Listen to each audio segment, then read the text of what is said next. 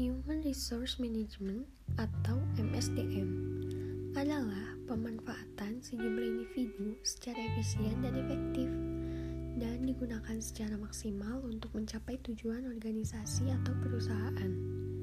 Nah, tujuan dari MSDM ini ada beberapa.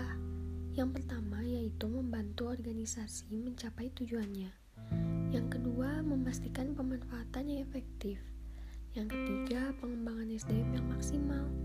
Dan yang terakhir adalah mengidentifikasi dan memenuhi kebutuhan individu.